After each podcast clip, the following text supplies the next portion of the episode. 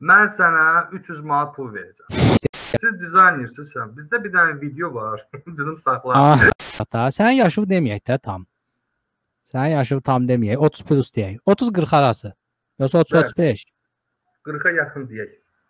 Daha Biraz demiş kimi da olduq. xahiş Çox sağ. Hə, deməli belə. Sən ə, belə şey kimi çıxmasın da, intervyu kimi çıxmasın. Belə deyək. Sən nə vaxtdan hiss elədin ki, tam 30-dan yuxarı deyirəm də, indi 30-cu axırlardır.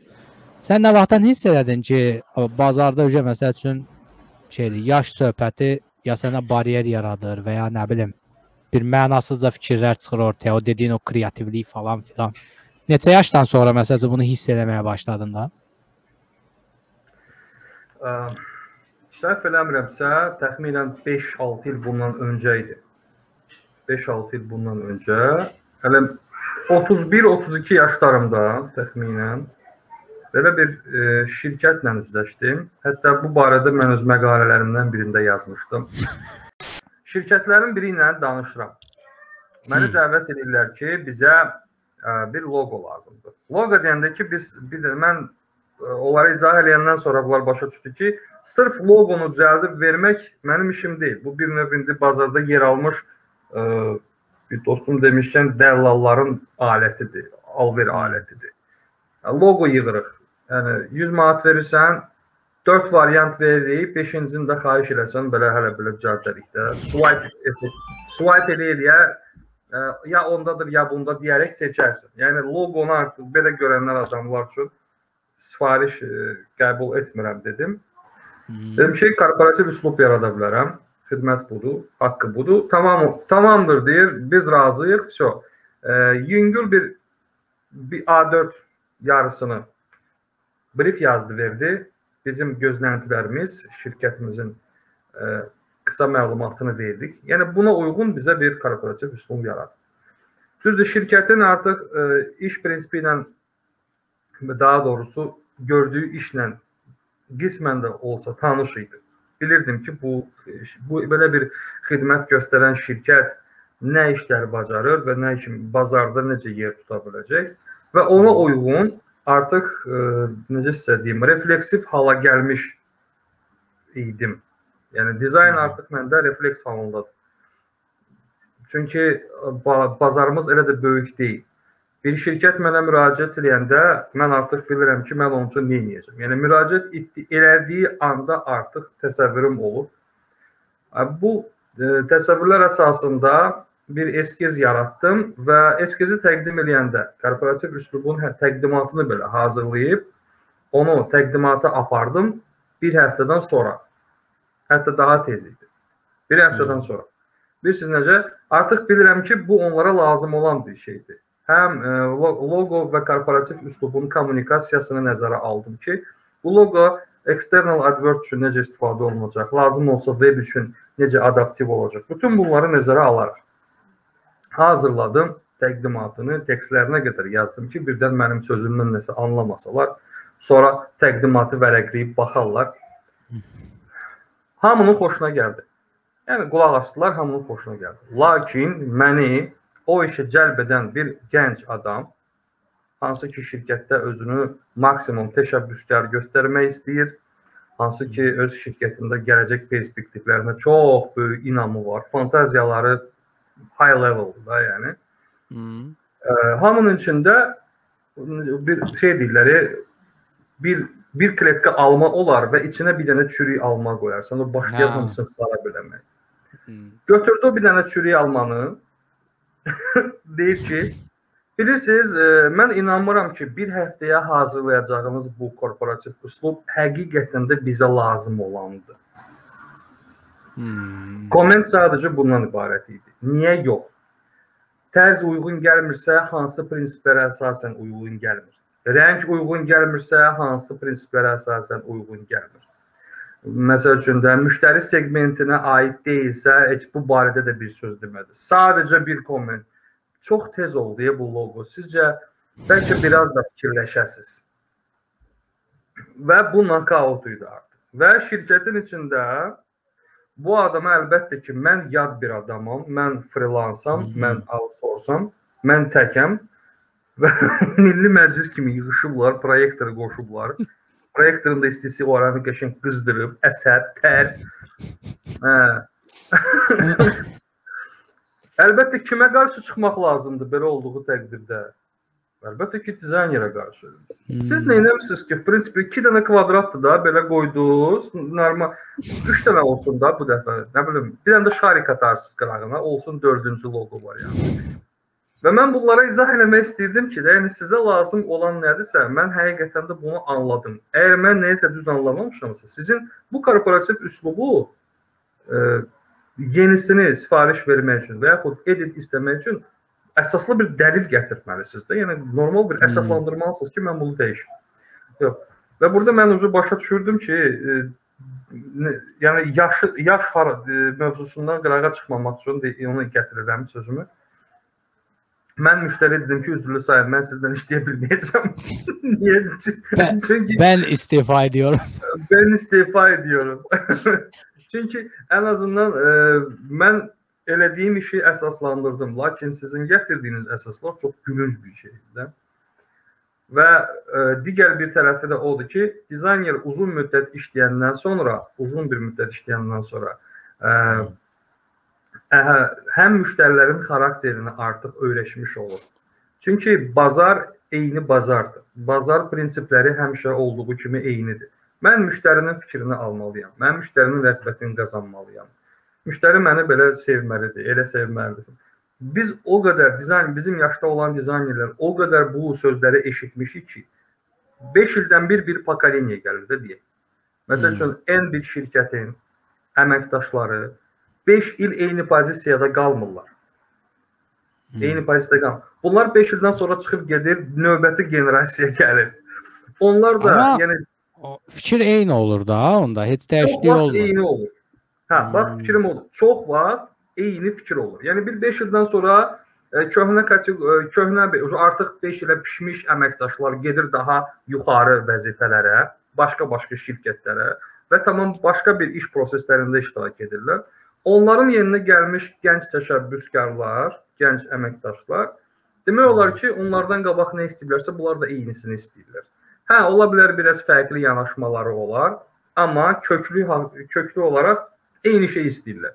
Və biz bunları o qədər eşidirik ki, eyni sözləri, eyni tələbləri o qədər eşidirik, eşidirik ki, o sualları verməsinlər deyə qabaqcadan hər şeyi hazırlamağa çalışırıq. Lakin axırıncı o sual məni məhv elədi. Çox tez oldu, deyir. Bəlkə biraz da... sən bu iki günü hazırlayıb gəlirsən. Hə. Hətta bizim o e, ta, bir şirkət var idi. Yəni də ad, adını çəkməyəcəm. Nə o çəkməsən. Sizin mənim tanıdığım adam işləyirdi. Şər üstü örtülü deyim, su istehsalatı ilə məşğul, içməli su. Hmm. O dedi ki, biz məsəl üçün ə, restyling eləmək istəyirik. Adımız olduğu kimi qalacaq, lakin loqomuzu və ə, qablaşdırmamızı dəyişirik. Misal yalan olmasın biz heç 2 gün çəkmədi. Əməlli başlı ştorm elədik də, brainstorm elədik. Oturduq 3 nəfər. 3 nəfər oturduq. O korporativ üslubunun üstündə yaxşıca işlədik. Yəni 3 dənə əlavə rəng seçdik. E, patternlər fikirləşdik, suyu əks etdirən patternlər. Mən xüsusi bir font yaratdıq özümüzdən. 3 variant loqo verdik. 3 variant. Şirkətdən eyni komment gəldi. Rusca deyirdi, "Я в шоке". Это слишком быстро. Yəni bu bizə nə deməkdir? Sən demə, sən demə, həmin şirkət nə demək istəyirmiş? Siz fikirləşin, atın onu daxmaya, hardasa qalsın. Hə? Hmm. Lazım olan vaxtda birdən biz işin icraatını gecikdirsək, ekstreni halda sizə deyən kimi onu çıxardıb atarsınız bizim mailimize ki, hə, hazır imiş, hazır imiş. I'm sorry, hazır imiş. Belə. Yox, mən bir şey başa düşmürəm. Bu şirkətlər e, loqonu verir. Bunlar yəni 2 günə, 3 günə verirsən də. İndi 2 günə, 3 günə verəndə bunlar e, ha, nəyə dayanaraq fikirləşirlər ki, məsələn bir loqonun hazırlanması yəni 3 gün tezdir və ya 2 gün tezdir, nə bilim 1 həftə tezdir. Və Yəni bunun bir şeyi var, dayanacağı bir yer var ki, yəni buna görə biz düşünürük ki, sən 2 günə bu loqonu çıxardanmarsın. Bilirsiniz, e, məsləyimizdə bizim e, işin icraatı üçün bir neçə mərhələ var.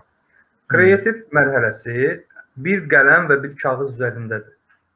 Ora hətta 1 saat belə kifayətdir. Çünki insan fantaziyası olduqca sürətlidir. E, Hmm. yaxşı olur ki, ya dizaynerlərə əlverişli olur ki, beyin sürəti, əl sürəti, göz sürəti bir-birini tamamlasın. 1 saat içində nəyinsə eskizini çəkib naxış halına gətirə bilirsən və demək olar ki, işinin 90%-i hazırdır.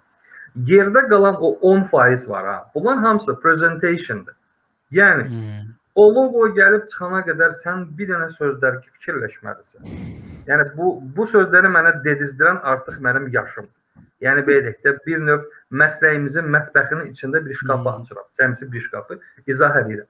O loqonu satmaq üçün bir dillər tökmək lazımdır. Onu birinci yazırlar. Aa, burada şey şrifti qırmızı ilə yaz. Niyə? Orada şirkət rəhbəri ümumiyyətlə qırmızı rəngi sevəndi. Bu sözü xüsusi qırmızı rəngdən vurğula. Yəni loqo qalıb ə arxa fondadır. Loqonu hələ yada salan yoxdur. O loqonu təqdim edən phrase var. O frazanı qırmızı ilə yaz. Təqdimatı gəl square eləyə, kvadrat formada hazırlaq. Niyə? Çünki dir onların ofisdə ofisi cəmsi bir dənə kvadratdır da, open officedir.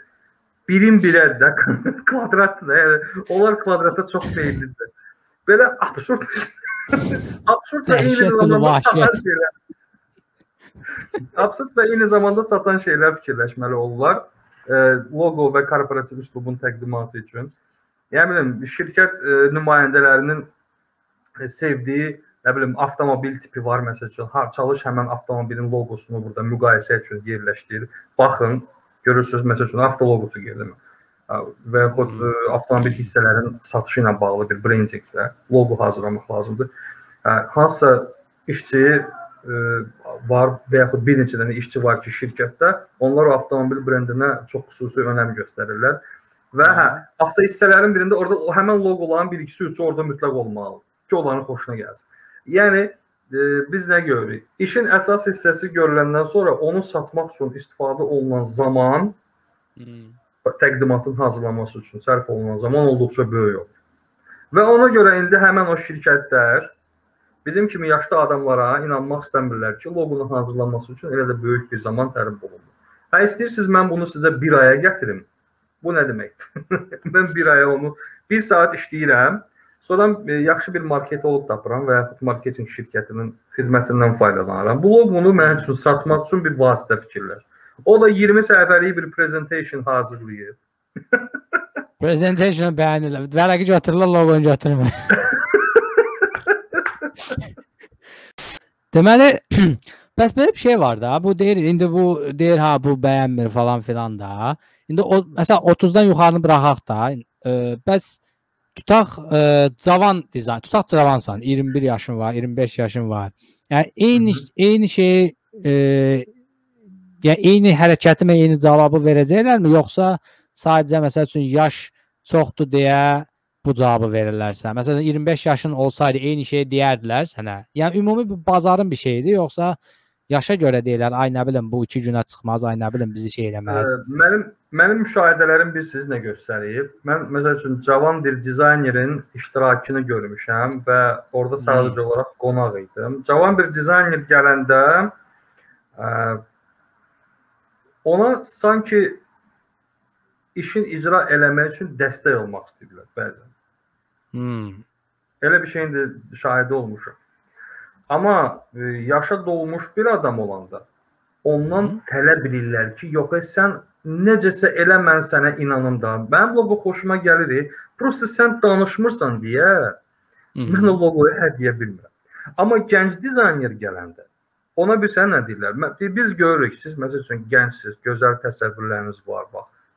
Hamı onu şuur altında elə qəbul edir də.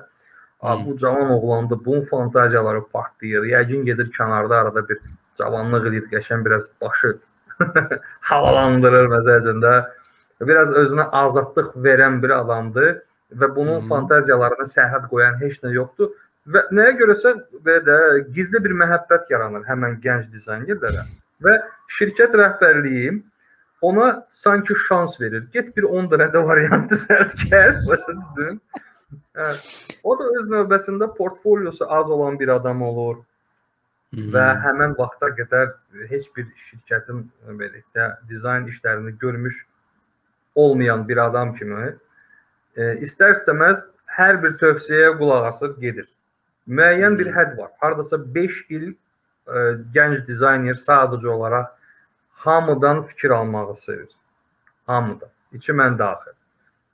Amma müəyyən bir yaş var, harda 5-6 il təcrübə toplayandan sonra artıq dizaynerlərdə bir özgü, özgüvən sözü var, türklərdə qəşəng özgüvən, bir mənlik yaranır.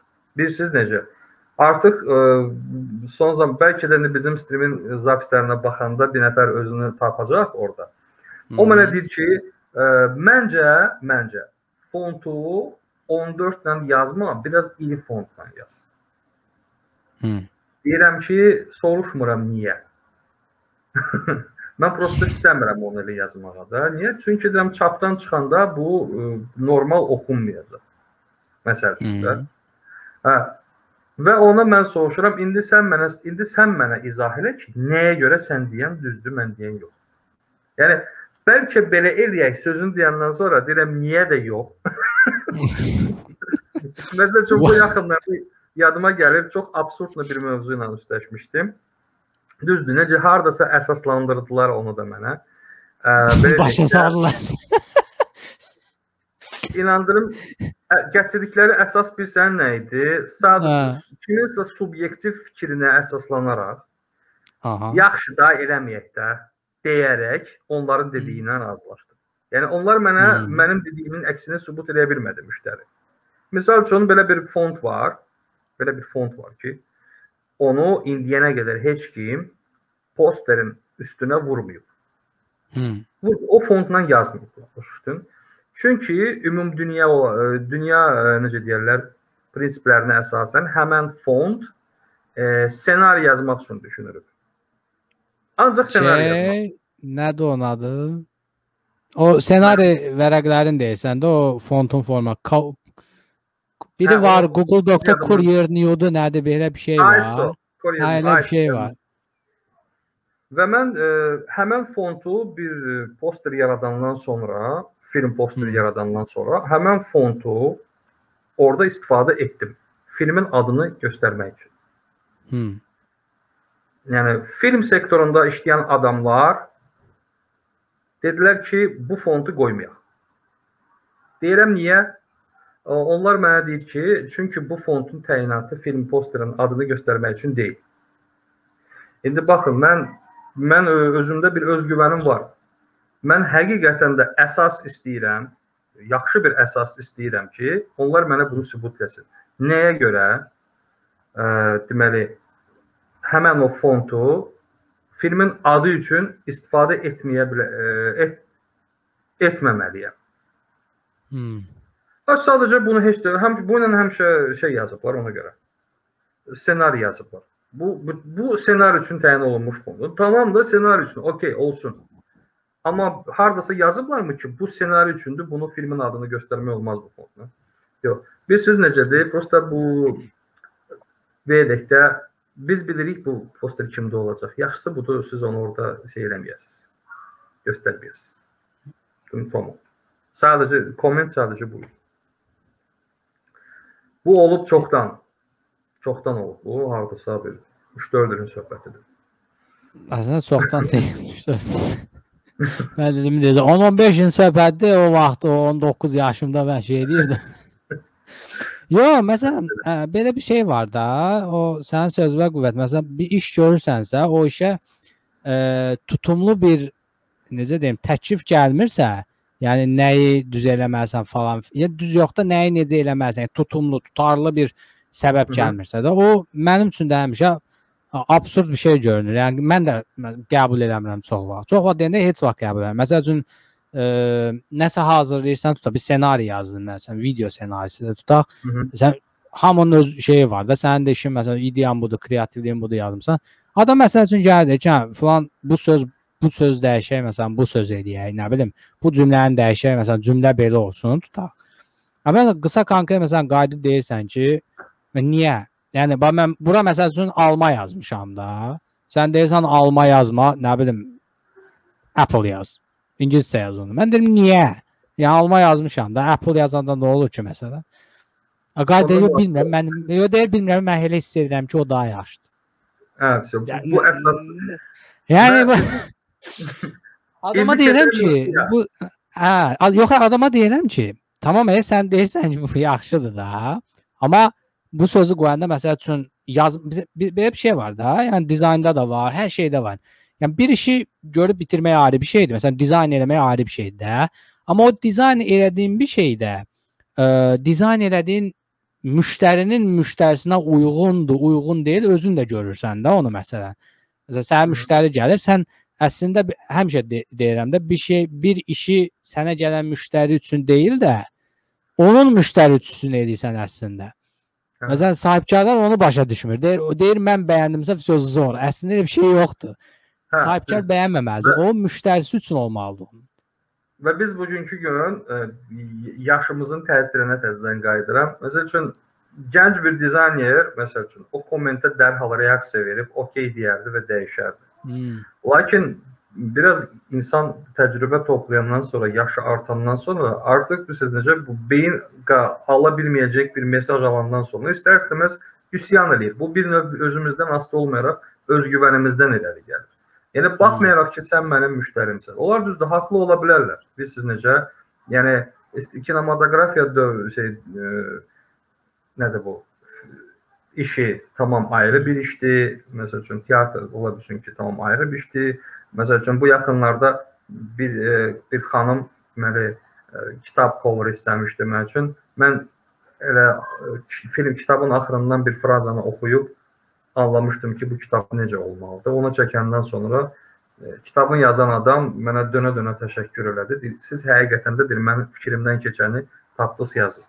Yəni bu bu tamam başqa bir dünyanın adamıdır. Ola bilsin ki, kinematografiya ilə məşğul olan adam kitab üçün hazırlanmış coverı bəyənməsin.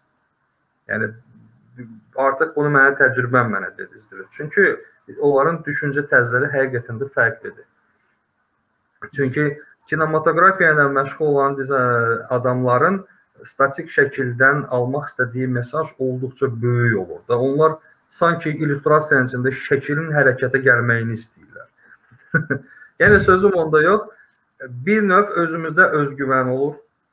Çox böyük özgüvən olur. Ə, hardasa arsızlıq demək olar buna. Biraz sırtıqlıq olur. Biz necə ə, Belki də biz başında bir şey eləyirsən də, ha bunu vaxtı kimi heç kim eləmir. Tamam da eləməyib, gözüm aydın eləməyib. Özdə biraz da arada aqressiya işlədir səni. Şimdi sən ya saqqal adamım mənim başımı xarab eləyib. Eləməyib, eləməyib. də mən bunu belə görürəm. Təbrik etdi və salam. Qapını göstərirlər. Bəhruz bəy buyurun.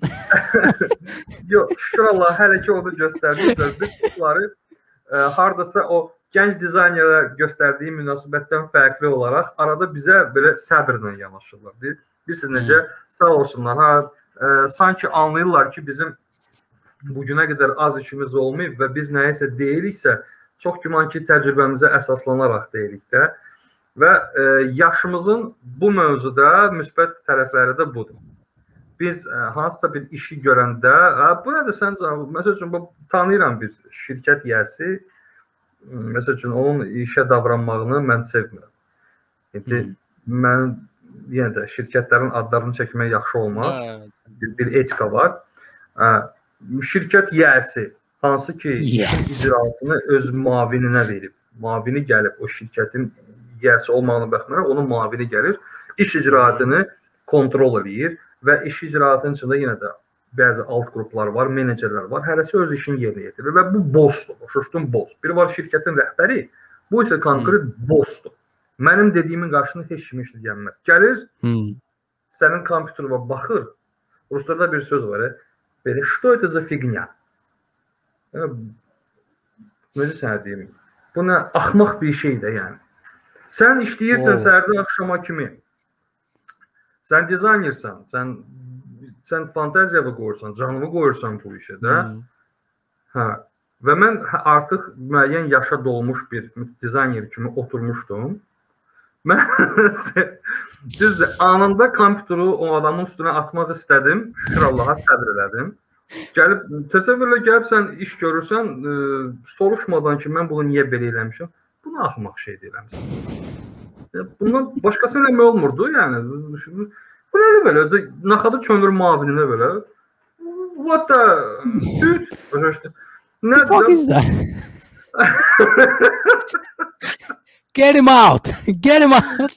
Mayday, mayday. Kompüterimi söndürürlər, əlimdən tutub sürüyə atırlar mənə. Ha, sumkam qaldı. Qoy sumkam qaldı. Və mən çönürəm bu adama qarşı, deyirəm ki, bu, vapervıq bu fiqnə deyil. Bu mənim elədiyim işdir. Bosun gözləri çıxdı kəlləsinə. Hünərə bax. Hünərə bax. Və burada mən başa düşdüm ki, burada danışan mənim hünərim deyil, burada artıq mənim özgüvənimdir. Mən vaxt var idi ki, bu tip kommentlə üzləşəndə özümü dünyanın ən axırıncı adamı hiss eləmişdim.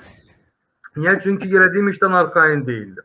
Çünki hmm. elədiyim hər bir işi hamıdan bir-bir soruşurdum. Məsəl üçün vaxt var idi ki, mən ə, rep replə də məşğul olurdum. Daha Ha. irəli get yəni, daha irəli getmiş bəzi reperlər var idi ki, çox istəyirdim ki, onlar mənim repimə qulaq assın. İndi oturub fikirləşirəm ki, onlar mənim repimə niyə qulaq asmalı idi ki? Əgər bir halda ki, mən gecə-gündüz repə qulaq asıram, əgər Hmm. təcrübə toplamaq istəyirəmsə, hazır trekdən ala biləcəyim nəsə var da. Mən niyə illah gedib həmən o müəllifdən nəsə soruşmalıyam? Ola bilirsiniz necədir? Ə, mən bəzən deyirəm, indi cavablara bilirsiniz, dizayner olmurlar. Başa düşürsüz? Dizayner doğulurlar. Ay qoyma gəl. Seminarın bir dəqiqəsi 100 manat falan. Amma soram soram həqiqətən də harca 3-4 nəfər yadıma gəlir ki, məndən məsləhət almaq istəyir. Mən onlara qayıdıb demişəm ki, xahiş edirəm, soruşmayın, yaxşıdır yoxsa pisdir. Mən istəyirəm ki, işinizdən əmin olasınız. Bu bilirsiniz necədir? Biz artıq özümüz üçün iş görəndə çox rahat oluruq öz yerində dizaynerlərdə. Yəni mən məsəl üçün özüm üçün loqo istəyirəm və yaxud mən ə, öz CV-mi belə bir bəzəmək istəyirəm və yaxud evimdə hansısa bir neçə dənə poster yerləşdirmək istəyirəm. Öz ev divarlarında da tamamı öz özüm bilərəm, özüm üçün eləyirəm də. Lakin müştəri üçün işləyəndə hardasa artıq yaşımız bizə şey belə nastroyka eləyir bizim başımızı, bizim öz yaşımız ki, tamam da özü üçün nə istəyirsən eləyərsən, burada müştərinin istəyini bir nəzərə al. Gör onlara nə lazımdır.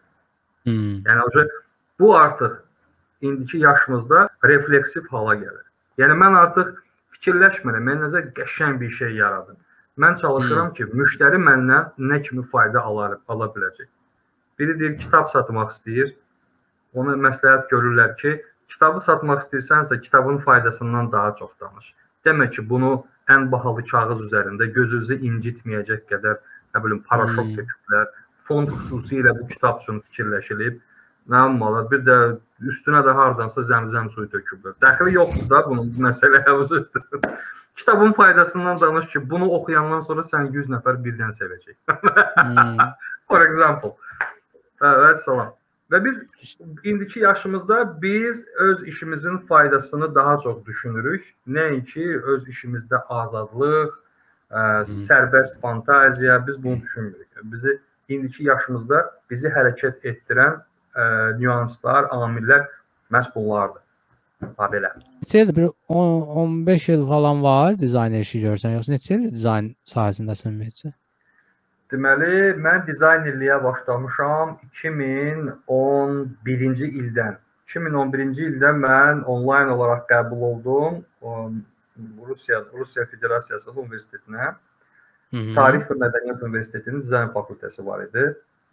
2 il onlayn oxudum və 2012-ci ildən artıq ə, məhz məhz Məhz. Hətta məhz dizayner işinə işinə başladım. Onda Nikoil Bank var idi. Orada işləməyə başlamışdım. 3 il ərzində orada işlədim. Ondan sonra Sakarşenya oldu. Nə deyirlər bizdə ixtisar, hə, ixtisar oldu. Hmm. Mətbəədə işlədim, marketinq agentliyində işlədim, reklam şirkətində işlədim. Belə deyək də bugünkü gün Azərbaycanın Azərbaycan elə Bakıda. Ba- Bakıda bildi bütün bir Şam- tarafında qaynayır. Bircə istehsalatlar rayonlarda da hamısı məsələn antifriz Hmm. istehsalı, yağ istehsalı, toyuq, hamısı Bakıdan kənarda da hamısı. Biznes, O- management Bakıdan. Ka- Kateqoriyan zor idi. An kateqoriya amma yaxşı böldün. Antifriz, yağ, toyuq.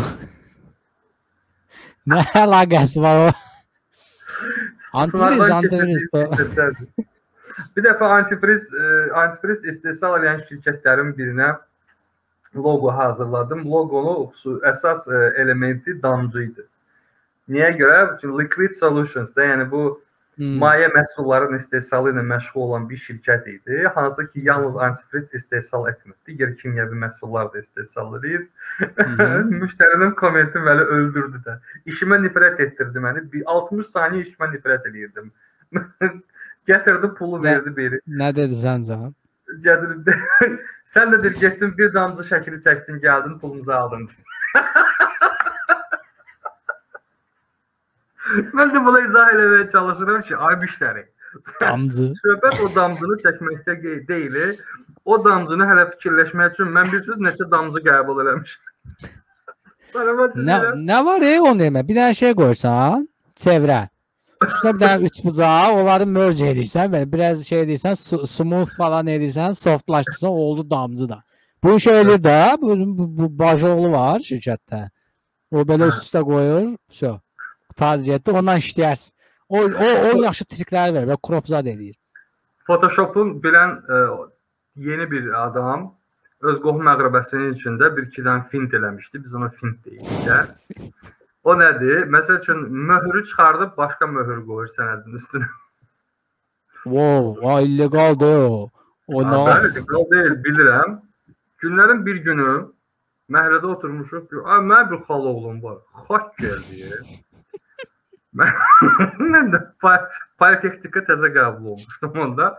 IT fakültəsində oxuyuram. Mənim üçün hacker tanrıya bənzər bir şeydir artıq. Yəni bu IT sektoru, IT sektorunun tanrısıdır da hacker. Bilirsən, hacker mənim fikrimcə bilirsiniz nədir? Yəni pulu olmaya olmaya bütün pullu softları rahat istifadə edə bilən adamdır. Hətta biri var ki, məsəl üçün kimsə bir pro proqram istifadə eləmək üçün internetə gedir, artıq crack olunmuş bir soft axtarır. Bu məlum Hmm. məsələdir, bütün dünya bunu bilir. Biri də var ki, adam belə, "Wow, təzə soft çıxdı, bir dənə bunu crack eləyim." Özü ya özü oturur, "Ey, bu adam mənim üçün nömrə 1-dir." də. Bax, ona mən deyirəm hacker. Və bu hacker kim imiş? Deyirəm kimdir, nə iş görür ki, hacker? Maraq gözlərimi də bırakmışam ki, yəni Azərbaycanda hacker taytı sayıb seçiləndir. Hmm. Bir qaqa gözümün qabağında sənədin birindən peçatı götürüb başqasına nətər qoydusa. Dedim dur. Davam eləmə, qoşuda polis var. Onun Hacker həyatını ya. haqq eləyəcəklər bizə burada. Danışma. Vi- vizual hackerdir də o əslində. Biz ha vizual xətt. Vizual hackerdir də o. A- Amma bu gö- gör- görən istifadə ediblər onu. Yəni Axırı nə bilmirəm. olub o məsələn? Heç nə və mən gülməyimdən məlum oldu. O başa düşdü ki, hacker əslində başqa bir şeymiş. Ərzin içində o O- O kapşonları əjdahadan bizdə niyə yoxdur? O hackerdən bizdə niyə yox? hacker. Ya da ki bizə vaxtı nə deyirdilər? Hə, ən maraqlısı, ən çox sevdiyim mövzulardan biri. Siz dizaynersiz, bizdə bir dənə video var. Dedim saxla. Ha, dur orada, dur. Adamı bilirsiniz, hə. Bir dənə video var, saxla. Adam ifsə və başa düşdün. Amma məsələn İndi baxırsan ki, vakansiya qoyurlar. Yazır məsələn dizayner axtarıq da. Premiere, After Effects. Nə bilim. Ha, ha, Visual- ha. Ha bu nə oldu? Yəni Visual Studio. Ya da mən kimi arada yazırdım ki, musiqi bəstələyə bilirəm. Və sonra dedim, mən nəyimə lazım deyil, mən bunlar musiqi bəstələməliyəm. Ay kişi, dizayner istəmirsən, Bizi- çox. dizin də görüm Maksimum CV-ndə adam yazmısan.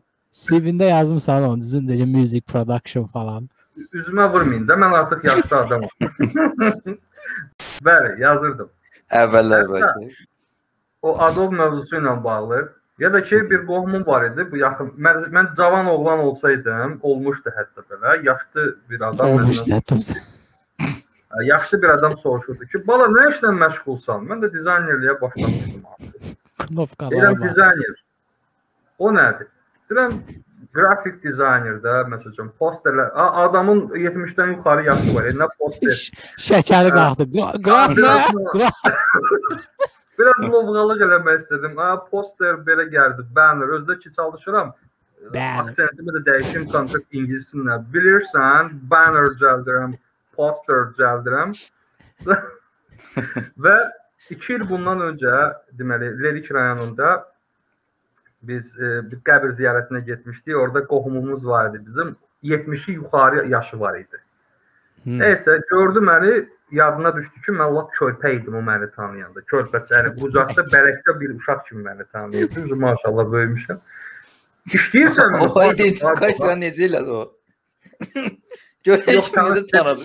Hə, bir də Atam falan yazmış. yanındaydı ha. ona görə. Ata, Ha. atam yanındaydı. Təsəvvür məsələn bələkdən tanıyır da. Yo- Sən qırmızı lenta var idi orada. O nəsə gözümə dəymədi. Barmağını qoydu belə üstümə. Hə, odur, odur. Patlayan parmağım alnına batır. Aa odur odur. O qədərdir.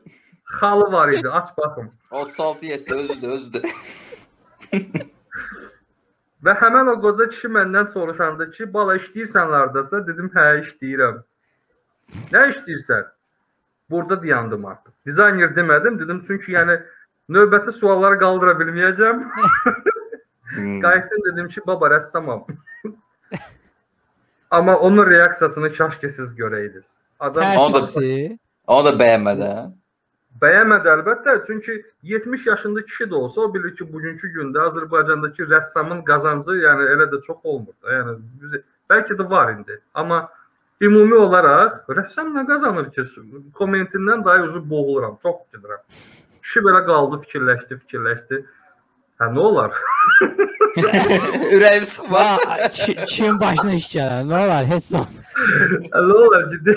Sual Mən soruşanda mühəndis deyirəm. Nə? Nə mühəndisi? Kompüter mühəndisi. Ha, kompüter tanıyıraq da daha ikinci sual vermir də. Hə, hə, bax eyni. Mən bir dəfə dedim birinə. Əlimdə deməli notebooku görüb, dedim ki, baxdı beri suallar vəbşə superdir də o. Kameradır səndə qardaş. Kameradır səndə. Hmm. Mən də cavan vaxtlardı. Yenə biraz Wipindrose istədim. Dedim yox, laptopdur, qrafik dizayn işləri ilə məşğul oluram. Sən zaman vaxtı heç çəkilməzmişsən. Niyə? Danışığa bax. Laptop. Laptop. This is laptop of me. Deyələ adamın sualı gəlir hələ. Ya, qayıtdı ki, kompüterdasan da, hə? no, no, no.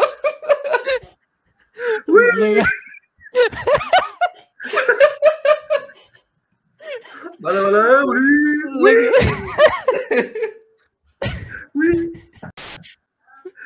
Yaş belə vaxtı ha. Son qardaşla bir dənə iş tapdı ha orada. İfsə burada artıq həqiqətən nə heç ingilis dili keçməyəcək də. Bu sual belədir ki, deməli idim ki, qardaş dedim amma özümü yığ- yığdım, topladım özümü. Dedim nə bacarsan? Cavabını bilirsiniz nə idi? Yəni adam- şey dayan deyim. Ya Yazı pozu işi. Ya ya ya. Mən soruşuram ki, nə bacarsan? Nə işləyə bilərsən? Hmm. Adam qalır, nə olsa. mən, mən dizayneram, IT şirkətində. Şoferi belə yoxdur şirkətin kişi. mən səni ara aparım. Axranı ito şeydi orada bir dənə şirkət var. Formalı qardaşlar göndərir, onlar maaşla işləyir. Support şirkətdir də. Ki heç olmasa sənə axıran kimi təklif edim. Heç nə yoxdur da bu üstün. Bildiyin IT şirkətidir və mən orada dizayn nə işləyirsən qış, şey, kompüterdasan. Dən qardaşıma iş düzəlt də. Dedim, "Ay, nə işləyirsən? Nə bacarırsan? Ay, nə olsa. Dedim, heç nə, CV-ni göndər də. Bana onu dedim ya kaynadı. Şeydi ben de deyirdim o şeye baxırsan da vakansiyalar da baxırsan da arada bir dizayner belə falan filan da. O, ona görə soruşdum sən neçə ildir işləyirsən? 2011-dən bəri də o vakansiyalarda Allah xətrinə dəyişən bir şey var? Yoxsa eyni vakansiyada dizayner axtarırlar, e, Hmm. Eyni şeylər yazırlar məsələn. Məsələn Yo, yo, hər zaman. 2011-dəki eyni Və şey buradan bütün o o vakansiyaları o cür vakansiya yerləşdirən bütün şirkətlərə yenə də atəşli salamlar. Atəşi sönmüş salamlar. Çox üzr istəyirəm. Çünki yəni baxın, mən dizayner axtarıramsa, sadəcə Adobe deyib, onu cəlb eləyib, onun üstünə video montaj yükləmək üçün başqa üsul da fikirləşmək olar da. Yəni Adobe bilən dizayner axtarılır yüksək maaşla. Maaş tə, görüş zamanı müəyyən olacaq. Aa, Tamam. Gəlirəm. Mən Adobe paketini öyrənmişəm. Həqiqətən də mən 2 il onu oxumuşam. Gəldim. Ə, sizə test üçün ya bunu da deyəcəm. Test üçün iş verdik. Bu deməli yarım saatlıq videodur. Deyirəm saxla. Siz dizayner axtarırsınız. o, o şey var ya, hold on. Sonra bir reklam şirkəti ə, yüksək sə- yüksək maaşı dəvət edir işçiləri. Nəysə gəldim. Onu da deyim ki, yəni bir müddət dizayner işləyəndən sonra artıq öz qazancı və maşın alandan sonra bir sifarişə gedəndə xüsusi bir zövqlə gedirsən. Siz necə? Ha, mən maşınla gəlirəm, və sifarişə. Yəni istər-istəməz şuur altında da olsa yenə də bir özgüvən var ki, bu var müştərilər var ki, siz deyir taksi ilə gəldiniz də, buradan yox maşınımla. Bir-birinə baxırlar, o dizayner Şey- maşın var. O necə Şey oynayır? sən də. Nə tər qazanır? Prezenta prezentasiyanda elə yer deyirsən ki, pəncərənin qırağında da arxa fonda maşınla görsən. By the way, it's my car. it's Ya sadəcə olaraq belə açarı bloku ilə belə, a də ordadır maşın, da. Yox, səhv sarsan da arada şey prezentasiyanı çevirməsən. Cüt cüt a maşın Ay, sorry, sorry. Mən e, şey sürürəm. Sən baha, baha premium Martin. bu arada. Lamborghini. Pahalı. Sən bir dəqiqə bu pərdəm düşdü. Hoppa. A white screen. Ha, şey pərdə. Hə. Ha, mən bilirəm o niyə var. Gəlmişəm həmin o şirkətə. Mənim CV-mə baxıblar. CV-ni vaxtımız var hələ.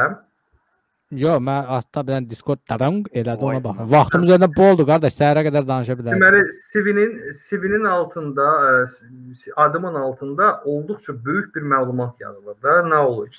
Yəni çalışdım, qısaldım onu da. Nələri bacarıram, onu göstərdim. Yəni orada web dizayn da var, qrafik dizayn da var. Ə, Məsəl üçün haralarda işləmişəm və sektor olaraq hansı sektorlarda xidmət göstərə bilərəm. Bunlar hamısı Music production var idi. Yox, yox, da tam. O demək mənim keçmişim idi, yəni yadıma salım. Və onlar artıq mənim indi hobbim. Hə. İndi mən Artıq deyirəm. hətta indi məhz. bəli, bəli, YouTube kanalımda baxa bilərsiniz. Bəhruz Seyfullah. Okay. Özümü reklam edeyim. Hə. Deməli gəlmişəm. Zəhmət olmasa keçin içəri. Bilirsiniz necə o uşaq təzə ayaq açanda necə belə gəl gəl gəl gəl. Can, bir dənə addımda at, bir addımda at. Bütün başlar hamısı çevrilir mənə baxır və bu saat sən burdan ya pələng kimi çıxmalısan, ya çaqqal kimi də. Başa düşdün belə bir çox belə apaslı abu hava yaranıb open source şeydir də, open office-dir belə. Keçdim, bir nəfəri durğuzdular. Oturun zəhmət olmasa, oturdum. Hə. Dedi, e, deməli burada 3 dənə papkadır. Avtomobil dizaynidir, avtomobil brendingidir. E, Ha. deməli bir kataloqdur, bir də flyer dizaynidir. İşte istədiyiniz mövzunun birini açın, işləyin. Dedim, anlamadım. Nə edeyim? Hə. Dedim ki, e, mən səhv eləmirəmsə, siz məni indi sınamaq istəyirsiniz. Mən həqiqətən də qrafik dizayn işini bacarım ya yox? Hə. Dedim, ümumiyyətlə siz yarım saat mənim CV-min harasına baxırdınız? Orada 2012-ci ildən 2020-ci ilə qədər iş təcrübəsi olan sizcə, yəni bir avtomobilin üstünə bir dizayn çəkə bilməyib gələcəyi bura siz nəyinə fikirlə Ay beynim çönmədi orada. Ay, Başa, başa düşürəm, məndə xüsusi kodlar var, şirkətin tələbləri var. Daha belə də yox da. Ay, absurdda. Bir də şey mırt, absurddur mırt deyə çox. Ə, Adamın verdiyi 3 fərqli task heç bir bir-birinə əlaqəli deyil də. Maşınlara, kataloqlara, bir də X bir şey də. Yəni birində Hə. olan bir şey hansı ki o birisində yoxdur da, düzdür. Sən onu tam olaraq necə ölçəcəksən? Tutaq ki, mən seçdim maşını və sənə lazımdır kataloq. Orada üzülməyəcəksən asansın. Yox, axırda deyəcək deyək bunu kataloqa qoy sonra animasiya ver. Yox, yox, mən bilirsiniz, məncə mənə elə gəlir ki, o siz nədir? Maşın dizaynı aylıq 1000 manat, kataloq dizaynı 2000 manat. Flyer Məncə dizaynı, sırf yəni İşəm şov olsun. göstərirlər. işamız maaşsız.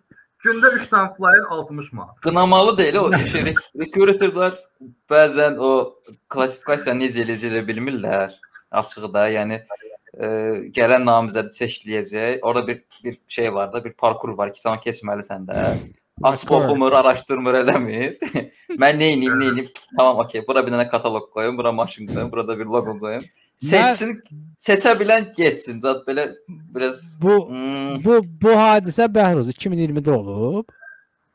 Bu hadisə 2020-də olub bəli. Amma mən sənin adı olsaydım, çəkilməlidir. Mən yandıraq bunları. Abi mən mən Bərzu yer, məsələn mən sənin yerində olsam nə reaksiya verərdim? Cibimdən açar çıxardardım mən maşınıza. Görsüz mən nə sürürəm. Vallahi gəlir onu eləyər. Pəncərəni açardım. Durun bir dənə bura gəlin. Yaxşı ki resepsiyon. Ölüxanadan indi çıxartmışam mən bunu. İyilə bunu, iyilə bir dənə dəmir gəl. Gəlin içinə girək. Yəni Çiy çiy, çiy. Maşından çiy yer. Məndən pulu gəlir, maşından çiy gəlir.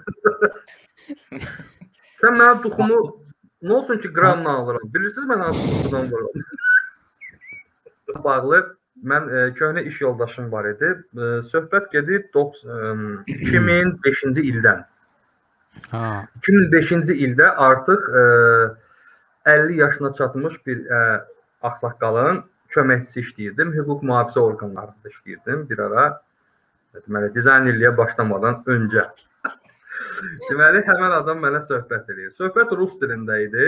Amma mən onu çalışacağam Azərbaycan dilində maksimum sizə çatdırım da. Mənə deyir ki, günlərin bir günü ə, deməli, ə, Qarabağ ərazisində döyüş gedən vaxtı, indi biz artıq zəfərimiz var, amma o vaxt hə, i- işğal olan vaxtlarda deməli hüquq mühafizə orqanlarının bir strukturu, konkret deməyəcəm hansı, orada ezam olunarkən ə, belə bir termin var idi rus dilində bandura. Yəni Nə nəysə, qədər əşya. Əşya bu da nə deməkdir? Lisenziyası olmayan və yaxud sənədsiz silah. Vay. O, onun Bəli. üçünmüş o, bandura. Bandura hə, sözü o deməkdir. Çox belə şey adı yoxdur. Çox Yəni, lazım idi Bandura. əsas bu. Bodyguard, Bandura. Ya bunu ingiliscə deyə bandur, band. Bandura. Band olsun. Tamam. Band. Kod olaraq ben ben deyirəm. Deməli bu mənə gəlir ki, biri gəldi içəri dedi ki, bəs filan kəs ə, orada bir dənə band gətirə bilər. Belə. Ha. Bu da bu da eşidir, gündə eşitdiyi sözdür də. Qayıdır ki, ə, kim tapıb silahları? Ay yox, deyə o, o banduradan deyil. Başqa bir bandura. Başa düşürəm. Necə bandura nətər olur? E, necə top gətiriblər. Ay yox, deyir nə top da görüm. Bilsən nədir deyir? Bax. Belə deyir, klaviaturadır. Əli ilə göstərir də belə bir klaviaturadır. Qabağında televizor var. Aha. Aha. IT sektoruna giriş mə- məqamlarıdır. Ya Aha. bu yəni bu adam mənə bilsən nə deyirdi? Onda hələ Pentium kompüteri var idi otağında. İşləyəndə qıжırt qıжırt səs gəlir deyə belə şeydən, кейsdən. O vaxtlardan. Hə. O vaxtı o Şey, mənə bilsən nə deyirdi? Disk- Case falan. aşağıda olan. Şıpık şıpık edirdi o skeç alanda. Texnikanın möcüzəsi deyirdi buna. Yəni biz indi ona oldu deyirik, amma o bir o deyirdi ki, həmin adam deyirdi ki, texnikanın möcüzəsidir bu. Bir çap maşınında nəyisə biz səhv eləyəndən sonra o əllə vurur, şaq qaçaraq o kağızı deyir oradan çıxartmalıydın. Zamaska ilə hərfin üstünü belə rəyləməliydin. O kağızı təzədən həmin koordinatlarla ora otuzdurmalıydın və həmin səhv buraxdığın hərfi bir də şapıldatmalıydın onun üstündən. Bəlkə düşdü kimi. Deyir bu mənə nə izah eləyir? Belə deyir klaviaturadır. Bir də televizor. Qıraqda deyir bir də belə bandura var. Bunlar deyir bir-birinə şnurla belə bağlanıb. Bu da aha. Klaviaturada nə yazır? Hamısı çıxır ekrana. hələ mən yaxşı Babam yanırıq be. Dur, hələ bu bu hələ başlanğıcdır. Bu hələ başlan. Bu da bir əş yerə gedə. 65-70 yaşım var. Lazımdır mənə. Sən Allah nə deyirsən də nə Sən tez elə. mən yenə sən mən inanmırsan ki, mən zarafat eləmirəm. Belə qıraqda deyir, sana oxşayan bir şey də var belə. Sürtür ora bura deyir. Ha bir dəqiqə deyəndə sən nə danışırsan? Tutaq ki, orada hərf səhvi var. Nə edəcəksən? Necə eləyəcəksən? Orada nəsə belə belə elədi, hərfin biri getdi, başqası gəldi. Hə, yaxşı, başını xarab eləmirsən, sən işim gücün tökülüb çıxmayacaq. Ay yox deyir, vallah zarafat eləmirəm, nə deyir? Hə, yaxşı, və bu nətər çıxır? Və kağıza bu necə çıxmalıdır? Deyir, hə, onu deyirəm axı. Qırıqda bir dənə də bandura var. Aha, aha. Deməli o necəsə belə, belə, belə sonra bir dənə də belə elədi. Aha. Bax ekranda nə görürsən? Hamısı çıxdı kağızın üstünə. Və deyir bu bəhruz mənim üçün deyir texnikanın möcüzəsi idi də deyir. Sən nə danışırsan? Agat kompüterlərinin dövründən danışır. Agat. Təsəvvürlərin cəbhə bölgəsinə buradan Pentium kimdir göndərən? Sovetin TRT-də dağılmış Azərbaycanın Yetmiş. bir gələn vaxtları. 70-ci 60-cı illərdə o Agat. Yo, yo, yo. Müharibə dövrü 90-cı illərdən danışıram. Yəni onda məsəl üçün mən məsəl üçün ali məktəbə qəbul olmuşdum 96-cı ildə Pentium 1 il yoxsa 2 idi. Türkiyədən yeni gəlmişdi, ancaq hələ sinif otaqlarında. Hələ mənəm şirkətlər Ara olmaz. Politexnika. E, yox, ali hərbi dənizçilik məktəbində oxumuşam mən. Hə. Hə, artilleristəm. Artilleriyanı Wow. bilirəm. Hı. Hə. Nəysə sözüm Onda yox. Pandora yox idi. Onda yox, onda Pentium var idi artıq. Və mən onda bir çox şeyləri ə, hərbi məktəbdə basın yayı nədir orada öyrəndim. Məsəl üçün mətbuat Hmm. nədir orada. Nə, yəni ə, dans kolları var idi, nə bilim teatr Bu niyə türksə? Türklərə bağlı idi, şey ali hərbi, şey harp okulları Ya- deyirlər, o idi. Bəli, bəli, kara. Hə. Mən fikirləşirdim ki, mən qocalıram və bu bu gündən sonra artıq fərqli bir biznesə bəlkə keçim. Yəni bu gündən sonra mən dizayner kimi işləyə bilərəmmi? Gördüm yox, dünya təcrübəsində artıq yaşa dolmuş dizaynerlər var ki, onlar ə, yeni bizneslər yaradır. Məsəl üçün ə, alivventures.co sayt var. Orada deməli Donald Arthur olduqca yaşlı bir adamdır. 60 e, 35-ci il bir də ki 62-ci ildə deməli ə, dünyaya gəlmiş Stefan ə, Zegmeister ya- yazılıb burada. Yəni bu adamlar vaxtilə bu şirkətlərdə çalışmış. Ə, yaşlanmış insanlar üçün ə, interfeyslər yaratmaq üzrə işlər görürlər. Hmm. Yaşlı insanlar üçün dizaynlar yaratmaqla məşğuldurlar. Ə, Hmm. Deməli, burada yazıb мы создаем компании, которые помогают пожилым людям любить, работать и жить лучше.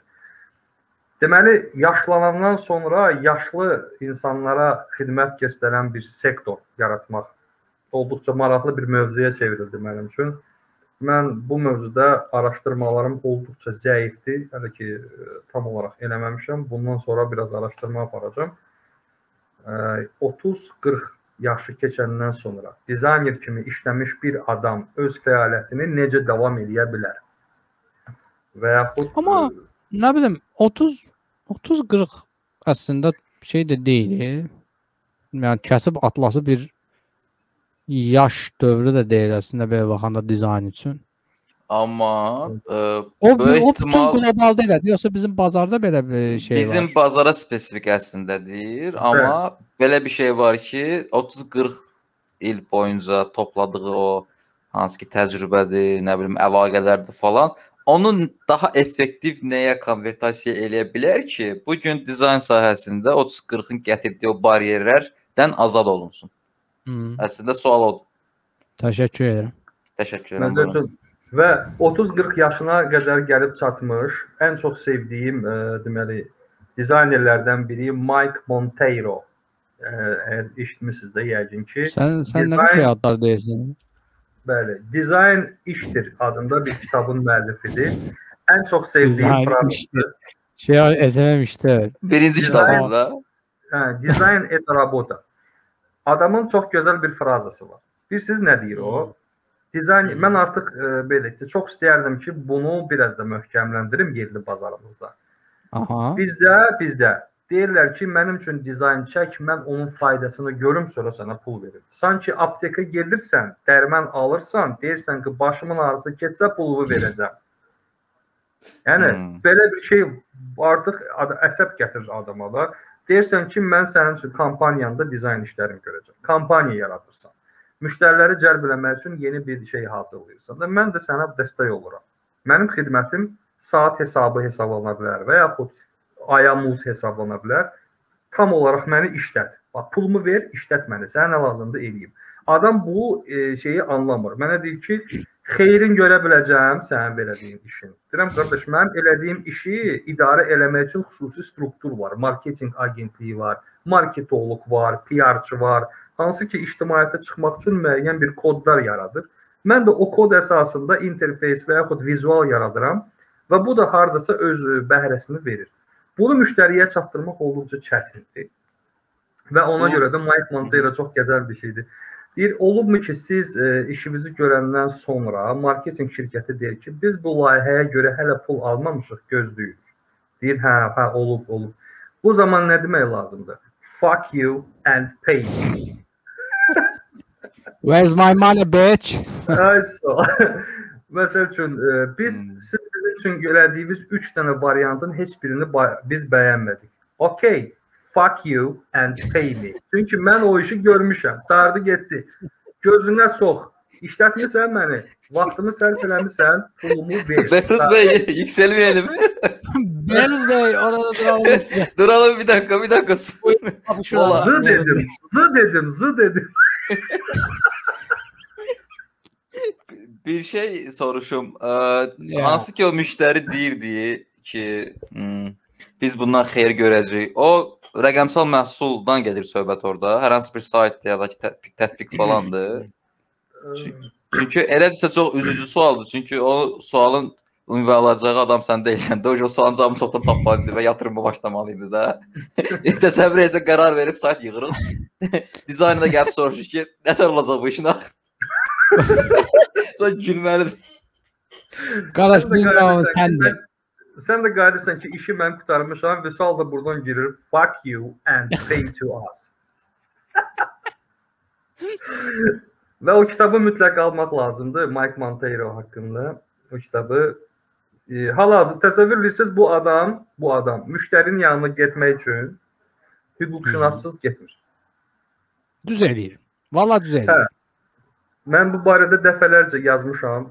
E, ictimaiyyət içində rəylər də almışam. Çox adam bunu müsbət qarşılayır. Lakin lakin lakin we love our motherland. It is different land. Burada qardaş, hüquqşünas biridir. Gəl gəlin biz siz nə edək qardaş? Biz nəyi sübut Hmm. edə biliriksə onu deyək. Ha, bir dəqiqə saxlaya qardaş. Mən işləyirəm. Mənim vaxtımı bu adam alır. Yəni vaxtıma görə pul versin mənə. Belə bir müqavilə tərtib edin ki, mən gəlirəm sənin yanına işləməyə. Mövzu budur. Bu qədər vaxt sərf olunur və mən ona görə səndən pul alacağam. Müştəri dirəşir. Bir dəqiqə, bir dəqiqə, bir dəqiqə. Sən orada nə edəsən ki? 3 dənə flyer hazırlayırsan, düzdür? Flyerın biri neçəyə düzəldirlər? 5 manat. İndi mən sənə görə 1000 manat aylıq pul verməliyəm? Aa, bir dəqiqə deyəndə qardaş. Sən mənim mətbəximin içində nə işin var? Mən hansı düsturla pul hesablaya bilirəm, sənə nə? Qızın müş müştəriyə artıq bunu dedizdirəcək yaşa gəlib çatmışam. Mən o vaxtı gənc olanda deyirdim. Məsəl üçün vaxt var idi, mənə hətta gülürdülər ki, qardaş, sən getdən biraz da kartoşka sat, bəlkə xeyir taparsan. Hə niyə? Menyu sifariş verirdilər mənə. 10 ilin söhbətidir. Menyu sifariş verirlər. İndi mən də bir pul generat generatoru fikirləşməliyəm ki, mən bu menyu səhifələri artanda, azalanda nəyə əsasən qiyməti dəyişəcəm? Çünki bunu məndən istəyirlər. Mənim isə özümə məxsus bir hünərim, bir özgüvənim yoxdur ki, deyim qardaş, sənə nə var, mən necə hesablayıram? Sərf eləyir Hmm. qiymət. Endirim istəyirsən, yaxşı, 5 manat çıxıram. Okeydirmi sənin üçün? Hə, so, ver sifarişi. Amma bu deyir yox, necə hesablayırsan? Mən də öz üstürəm durdu. Başım xarabdır axı. Mən niyə bunu deməliyəm? Deyirəm ki, kvadrat santimetri 20 qəpikdən. Təsəvvür edirsiniz? Buraxdığım səhvlərdən biri. santimetr. Hə, nəyə görə? Çünki bu adam bir dəfə mənə bir menyu sifariş verdi və ona görə bir məbləğ təyin eləmişdi ki, sənə bu qədər pul verəcəm. Və Hmm. mən də nə etdim? Həmin o hazırladığım işi kvadrat santimetrlərə böldüm və bu bunun verdiyi pulu götürdüm. Bu işi bir riyazi bir şey hazırladım. Belə çıxır ki, bu iş böyüyəndə bu məbləğdə bu qədər artmalıdır. Pa, sifarişin dalı yanmır ha kişi. Part apart gəlir. Ha. Sən demə bunlara sərf eləyib bu tarif. Ucuzan tərəf sən olmusan. Günlərin bir günü məni çoxdan da görməyən dizayner dostumun biri qaldı. Qardaş, hardasan? Gözümün biri bu boyda, biri bu boyda. Gecə gündüz işləyirəm də bu şuşda. Hətta ayağımın birində tromba mənə gəlmişdi. Bir həftə göbəyimdə Oha. iynə vurdular. Yəni otururdum, çox otururdum çünki. Hə. mənə qayıdıb deyirlər ki, hardasan qardaş, sən niyə yoxsan? Deyirəm ki, bəs sifarişlərim var. Necə işləyirsən? Deyirəm, mən kvadrat santimetr Kvadrat santimetr. Misal bir qapazım çatışmırdı. Adamın gözləri bu boyda oldu. Sən dəlisən deyirsən. Bazarda kartoşka satırsan, nə edirsən deyirsən. Kvadrat santimetrlə sən deyir mətbəəsən ki, sən kağız satasan. Sən dizaynersən, nə qədər sən kreatorsan, sən yaradıcısan, sən bu tarifin belə olmur. Hoşum belə. Hə, Yəni- yəni o adam özü rejissor idi, kstati bu sözü deyən adam. Onun özünə belə şey demişdilər. Adam Hə. durdu ki, hə biz indi belə eləyəcəyik. Türk Türkiyə ə, vətəndaşları idi, gəlib Azərbaycanda biznes qurmuş türk qardaşlarımızdan biri. Ə, o demişdi ki, Hmm. bəs ə, şimdi biz böyle yapıyoruz. Ə, film çək filmi çəkirik. Yəni Aha. filmi çəkirik. Deməli, reklam başlayır və bizim satışlarımız başlayır. Aha. Əgər ə, satışlarımız yaxşı gedərsə, siz dediyiniz məbləği verəcəyik. Yox, zəif olarsa biraz az pul verəcəyik. Aptek işlədən bir şirkət idi. Dostum qayıtdı. Bəli, dostum qayıtdı ki, şimdi biz öyle değil, böyle yapacağız. Mən deyir sizdən dərman alacağam. o dərman effekt verərsə pulunu verəcəm, verməzsə gedəcəm unitaza. Biraz bəzədim düz. Ha, Belə şey olar qardaş. Unitaza xidmət göstərirsənsə, sən onun pulunu verməlisən də. Yəni sən xidmət alacağın xidmətin brifini düzgün tərtib eləməmisənsə, texniki parametrlərini düz verməmisənsə, ondan Birif mənə dedi. Birif dedi. Birif dedi. Mən üzr istəyirəm, ə, notebookun batareykası ölür. İlk dəqiqə kameramı söndürüb, şarjı qoşub geri dönürəm. Siz. Link orada da gələr, basıb gələrsən. Hə, gəl. Yox, kameram brief demişkən gətirir dizayn göstərir, emosiyalara fikir verin. Wow. Brief nə elədiniz də həm? Super. Bu nədir? Aa ben burada sarkastik bir şey gördüm yani. Bu de- ciddi değil o zaman məzələnir o. Balzamik soslu. Bazamiko. Hələ bir ki, Wow. gətirib qabağına bir iş verirlər də belə. Qovluğu açırsan, icra olunmuş işdir belə, vərəqləyirsən belə. İ birdən daha intensiv vərəqləməyə başlayırsan belə, baxırsan, baxırsan, baxırsan. İşi gətirən adam biri nə olub? Brief hanı? Attachmentda brief yox idi. Bu nədir bəs eləmisiniz? bir şey soruşum Bəhruzdan. O Yes. nə maraqlıdır. Yox, maraqlıdır əslində neçə illərin. Eee soruşma. Lokal müştərilər eee daha çox nəyə okeydirlər? Eee, Loqo təqdim elədiyin zaman, versiyalar təqdim elədiyin zaman onu daha çox ha- hansı mənaya yükləndiyinə, nə bilim hansı etimologiya ya da ki storiesinin nə tür olmağına okeydirlər, yoxsa sən onu prosta dialektik olaraq onlara inandırmağa okeydirlər? Yəni lokal müştəri daha 50-50 maraqlı şeylərə bildim, açıqdırmı yoxsa yox? Biri mənim öz qohumumdur. Məni yıxdı sürüdü. Gəlmişəm yanına. aa, Loqonu göstərirəm. Loqonun adı, şirkətin adı elədir ki, deməli uydurulmuş Əzəllər. Ha. Birinci hərfini başına oyun açdım. Birinci hərfinin ki, loqoya oxşasın. Yəni bu yenə də təcrübədən söhbət gedir. Köhnə vaxtlardan danışıram da. Birinci və ikinci hərfi birləşdirdim. Axırıncı hərfi buna bağladım necəsə. Ə, baxıb çoxsu belə deyir. Naxış az deyə deyir loqoda. Naxış? Naxışı azdır elə bir ki, biraz bəlkə işləyəsiz. Bir sözlə bunlar məndən bir xalça istədilər də. Ər görmək lazımdı orada, quş görmək lazımdı. Başa düşdün? Axan Qızı istəyiblər, verməyiblər, oğlan gedib ay, dalaşıb. Axan şəlalələr, uçan quşlar, yenicə bitmiş çiçəklər filan. Bunlar bax sən birini tam açılmış elə, birini belə Dedim qardaş, siz məndən nə istəyirsiniz? Bu sualı Olsun. vermişlər müştəriyə. Siz mən yanında da ləvələri olsun. Baba olsun, əlinə notebook olsun. Ay, uşaqlar qala bilmirəm. Çox güldüm. mən çox yaşlıyam, mənə güldürməyin. Cümlələr uçur istəyirəm. Mən çox yaşlıram, mənə güldürməyin.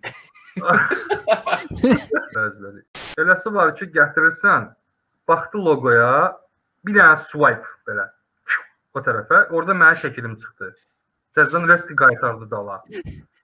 Mənə konsepti nə idi?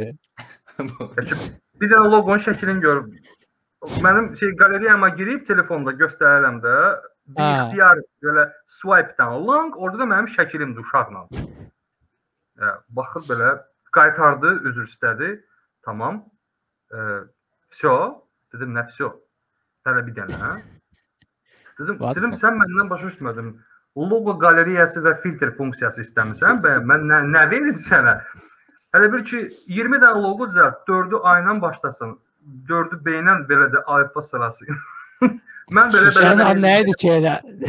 Ha, belə swipe swipe swipe swipe ah şu bu olsun, olsun bax. Belə bir şey istəyirlər də. Dedim qardaş, sənin verdiyin puldan xəbərin var ümumiyyətlə? Yəni sən kompüteri yandırıb söndürmək üçün verdiyin puldu. Jetstrip loqo düzəltmişəm sənə. nə istəyirsən? Əvvəl- belə şeylər, lokal müştərilərdən bax bunlarla üzləşirdim çox vaxt. Hətta biri şirkət yiyəsiyəm. Gələ Yə, çox- bilərsiniz. Mənə o cümlə çox böyük absurd gəlir. Bu qədər Hə, mən mən- şirkət yiyəsiyəm. O onun dediyinə görə o artıq ə, zen gəlib alıb, zen həddinə çatıb, tanrı Ha. səviyyəsindədir. Sözü keçə bilər və ən əsası sən heç kimsən. Bax bu bu fraza o, "A, mən şirkət yiyəsiyəm." e." Ayda şey yadıma Sən heç kimsən. Sözü balla kəsim. Ba- Bizi məsəl üçün mənə təktük olub belə hallar. Onda elə belə dizayn tam olaraq dizayner deyildim. Başqa yerdə işləyirdim, dizaynerliyi oxuyurdum və özümü dizayner kimi qələmə vermişdim artıq. Yəni özgüvənim başlayırdı yavaş-yavaş. Mənə çağırıb ki, mən 3 dənə şirkətim var. Dedim mənə çox. Ha. Bir də məni aldadarsan ha. o demək istəyirdi o. Qardaş məzələnmə. Yəni ciddiyəm. 3 dənə şirkətim var. Ə, və mən ə, sənə 3 dənə loqo sifariş verəcəm. Neçə eləyəcəksən? Neçə eləyəcəksən belə?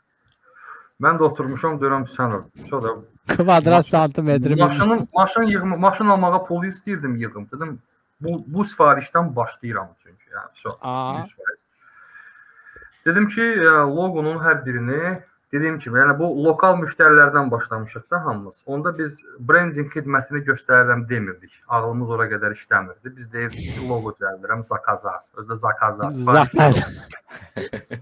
Zakaza. Zakaza gedirəm. Hara gəlirsən? Zakaza niyə loqo düzəldəcəm? Zakaza gedən dizayner loqo gedir. Hələ nə ayırırsan sualını demirəm də. Nə deyə bu? Deyir ki, mən sənə, mən sənə. Özüm səncə həmin an özümü bilirsiniz necə bir heç hiss elədim də. Yəni mənim bu günə qədər aldığım tərbiyə, böyüdüyüm mühit, çətinlik vəziyyəti, məni kişi kimi formalaşdıran amillər hamısı getdi də başa düşdün. Çirkinləşdin orada. sənə qaqaş, mənə sənə 300 manat pul verəcəm. What the Nə qapıdan çəkildiyimə görə. Yox, Dənəsinə bilmirəm. 100 manat belə çıxır. Aya yox ümumiyyətlə 3 dənə loqo düzəldəcəksən, hərəsinə 1-2 dənə də flyer lazım olacaq. Ha, elə 100 Mən var. sənə 300 manat pul verəcəm. O Çox adam çox alfada var. istəyirdim ki, bu videoya baxsın, nə baxsa, o adam özünü burada mütləq bu sifətinə qədər görəcək. Mən sənə 300 manat pul verəcəm. bu mayağa dedim üzürlü sayın mən o qiymətə xidmət göstərə bilmərəm. Və orada başa düşdüm ki, artıq yavaş-yavaş leveli dəyişmək lazımdır. Və eybi yox, ayıma 100 manat gəlsin, adamdan gəlsin. Şirkət rəhbərindən gəl. Və nə dedi o? Sən nə dedin, nə dedi o? Yox, mən onu deyə bilməzdim üzünə, çünki Ha, cavabı var. Öz özümə Nə, deyirəm. nə oldu axı? Durdum, Yo, nə oldu? durdum Elədin dedim ki, dedim yox, dedim o qiymət mənə sərf eləmir. Vaxt dardığınız üçün çox şey olur, mən getməliyəm, alınmayacaq. İstərdim. Yaxşı, bax da indi özüm bilərsən. Sonra- sonra sonra məni ora kim tövsiyə eləməmişdi? Bir e, mətbəə idi. Mətbəə idi, çatdırmırdı. Dedi ki, sizin yanınıza bizim bir tanışımız gələcək dizayner. Bu sifarişi ona verin. O yaxşı bacarır. O eləyəcək. Hmm. Həmin mətbəəyə zəng elədi. Dedi ki, bundan sonra mən sizə sifariş verməyəcəm. Hmm. Çünki mən onun 300 manatlıq təklifini rədd elədim. Yo, niyə? Çünki o 4-cü şirkəti açıb və orada təzə loqolar düzəldirlər. Nə bilim valla, ola bilər. mən sənə 300 manat pul verəcəm. Ağsaqqal olaraq dizayn sayəsində Özümü yığım biraz. bu şeydir, cavanlara nə məsləhət görərsən, qocalmağa yaxınlaşdıqca neynəsinlər? Dizayner qoca var deyirsən. Dizayner. Yox. Sən ağsaqqalsan, dizayner cavanları deyirəm, onlar qocalana yaxın neynəsinlər? Eşitsən? Deyirəm ki, Eşitsən? Deyirəm ki, qismət qonaqlığa gəlmişik. axı mən qal- Axı mən qanmıram sən nə danışırsan. Hə! Yəni qoca uca 30-a gəldi. 30-dan sonrası üçün bu dizayner işçiləri neynəsinlər? Yəni karyeralarında axsama olmasın, nə bilim, sonra peşman olmasınlar və ya ümumiyyətcə 10 ildən 15 ildən sonra bu sektorun əslində səndə biraz çətindir demək nə vəziyyətdə olacaq. Sadəcə indi üçün nə deyə bilərsən yəni cavanlara? İndi üçün onu deyə bilərəm ki, daha əvvəl dediyim kimi e, dizayner olandan sonra mən yaşım biraz artandan sonra özümə məxsus bir, bir özgüvən özümdə Hmm. formalaşdırdım. Dizaynerlərə deyərdim ki, ilk növbədə şey eləməmiş, e, özümdə formalaşdırıb püxtələşdirmə deyirlər. Onu hı. Onunla paralel insanın özgüvəni də gərək olsun. O özgüvəni, yəni elədikləri işdən bir əminlikləri olmalıdır həmin dizayn. Mən təbii sıfırda təzədən belə deyim, dizaynerlər e, yaşlandıqca özlərində e, bacarıqlarından əlavə özgüvəni də mütləq formalaşdırmalıdırlar. Yəni bir insan arxayın olmalıdır ki, o elədiyi iş həqiqətən də qəşəng işdir. Çünki bu bir növ satış üçün bir alətdir. Satış alətlərindən biridir. Ondan sonra necə sizə deyim, bu ona müştəri gətirəcək. Bu və növbəti bir e, özəllik odur ki, dizayn işi işləyəndən sonra özgüvənlik biraz egoistik olmamalıdır da. Bu insan fikirləşməlidir ki, hansısa bir şirkətin işini aparmaq üçün bu işi görür. Özünü qoymalıdır həmin şirkət rəhbərliyinin yerinə. O fikirləşməlidir Hmm. ki, bu şirkət başqa X bir adamın şirkəti deyil, bayaq dediyimiz kimi. X -hı. şirkəti deyil. Bu mənim şirkətimdir. Mən bu şirkət rəhbəri olaramsa, əgər mən ictimaiyyət Yiyəsi. içinə hansı bir sima ilə çıxacağam. Mən hal-hazırda həmin simanı öz başımda generasiya eləməliyəm və utanmamalıyam ki, nə vaxtsa kimsə buna baxanda e, pis komment verməsin. Yaxud kimsə xoşuna gəlsin. Və həm e, belə olduğu təqdirdə iş daha məhsuldar olur. Bir də var ki, heç bir təcrübə yoxdur. Sıfırdan başlamışam işləməyə. Ə işləyirəm də pulumu verməlidir. Şey, xoşuna gəlmir özü bilər. Yəni belə bir yanaşma varsa, artıq o ixtisasdan get-gedə imtina etməlidir. Ya mən bu günə qədər maraqlandırdığım, maraqlandığım mövzulardan belə nəticə çıxartdım ki, dizayner başı biraz e, belə də hardasa havalıdır. Təxəyyüldür. Təxəyyüllə qocalan bir şey deyil. Hı hı. Bizim sadəcə ya- yaşlandıqca bizim belə də ə, simamız, ahə, yaratdığımız ahəng hardasa bizə biznesdə biraz ə, problem yarada bilər. O da ki, ruslarda bir söz var, vосприятие. Yəni qəbul etmə. Şərhləri qəbul edərkən özümüzdən çıxırıq, bəzən əsəb keçirdirik. Bəzən şərhləri verən adamın səriştəsizliyi bizi özümüzdən çıxardır, işdən imtina edirik. Ona görə də ə, gənclər ilk növbədə səbirli olun, işinizin özəllikləri, yəni ki, instrumentləri öyrəndi, öyrəndiyiniz kimi də özünüzdə özgüvəni formalaşdırın və müştəri üçün iş görəndə öz egonuzu deyil, şirkətin inkişafını düşünün. Belə olduğu təqdirdə belə təqdirdə siz daha çox məhsuldar olacaqsınız və yaşınız yaşınız biraz artandan sonra da belə görəcəksiniz ki, sizi artıq belə də fiziki olaraq iş görməyə dəvət eləmirlər. Sizi əksinə yönətməyə dəvət edirlər.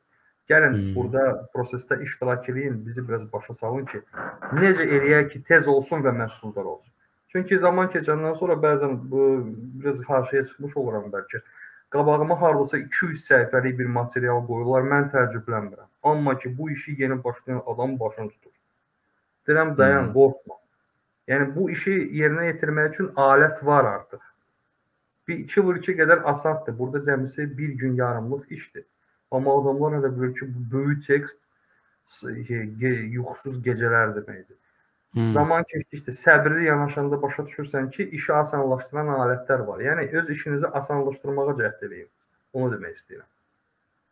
Alətləri yaxşı öyrəndikcə sizi səbirli olmağa göstərir, sövq eləyəcək. Səbirli yanaşacaqsan, alətini gözəl öyrənəcəksən, baxacaq, baxacaqsan ki, qısa müddətdə böyük bir iş gördün. Və bu artıq sənin levelini o dərəcəyə çatdırır ki, sən bir şirkətə fiziki olaraq iş görən yox, yönetici gedirsən.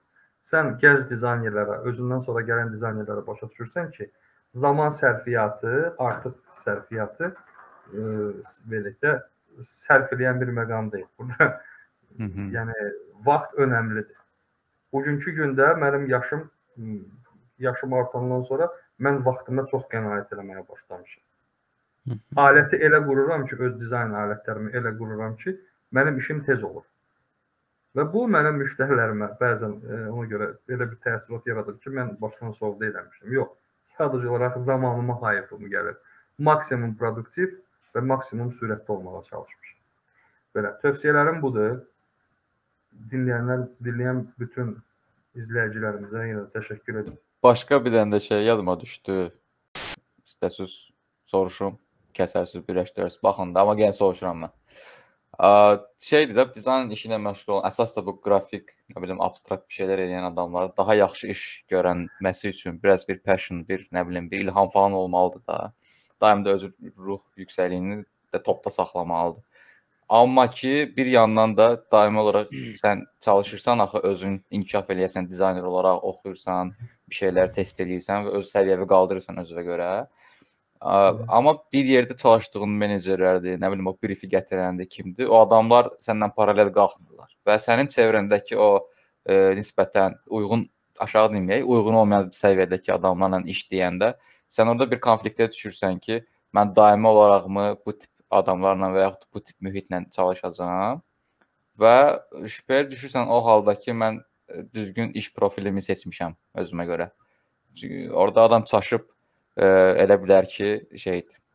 E, bu düzgün iş profili deyil və mən gördüyüm işdən bu gün iyrənirəm. Və dizayn sahəsində o passionla işləyən adamların da orada passionu ölür və heç vaxt qalxmır da.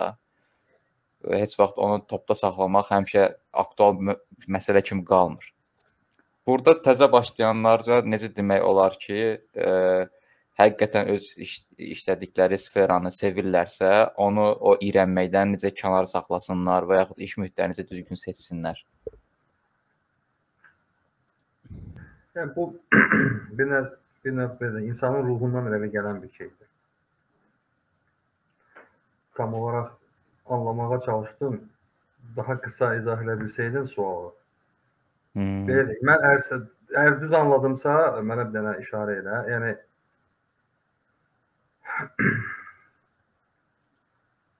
təkərə düşdüm. Əslində biraz özümün başına gələn bir şeydir praktikada. Yəni Və- yəni belə deyək də, mən nə etməliyəm ki, öz işimdən e, küsməyim. Düzdürmü? Öz işimdə yox, e, iş mühiti səni e, işindən iyrəndirə bilər. Sən yenə də e, ola bilər sən gördüyün fakt material olaraq gördüyün iş tutaq ki də qrafik dizayndır, nə bilim loqo Hı. falan, nə bilim. Onları sən bəyənmiş ola bilərsən, amma günün sonunda sən insanlarla işləyirsən və o insanlar həqiqətən sənin ünsiyyətdə olmaq istəmədiyin tip insanlardır da. Və o Hə. məsəl üçün hə, o kollektiv Hə. müəyyən səviyyəyə qalxmalıdır. Anladım. Onların istədiklərini tam olaraq verəndən sonra başa düşürsən ki, bu sən istəyən iş deyil, düzdürmü? Hə, Belə şey. Ha, Ha. belə olduğu belə olduğu halda mən həmişə deyirəm, birinci növbədə vicdan, insanın vicdanı olmalıdır. Yəni dizayner oldu, olmadı. Əgər sən dediyin kimi də, yəni müştərinin işini aşırtmaq üçün də səy göstərirsənsə, əhəm belə əziyyət çəkirsənsə də, bu iş boşuna iş deyil. Bu vicdanlı işdir. Yəni əgər sən müştəriyə izah eləməyə çalışırsansa ki, bu düz deyil, və belə olması daha yaxşıdır. Və müştəri yox qardaş, mən illah bunu istəyirəm. Bunu mənə ver, mən səndən incimirəm. Tamam, al. Amma ya unutma, yəni, bu tam sənə lazım olan bir şey deyil. vicdan rahatlığı tapandan sonra ki mən hər şeyi dedim, mən hər şeyi başa düşdüm, lakin o adam yenə də istədiyini elədi, ondan sonra rahat ola bilərsən. Və mən həmişə belə eləmişəm, bu mənə əziyyət vermir. Həmişə.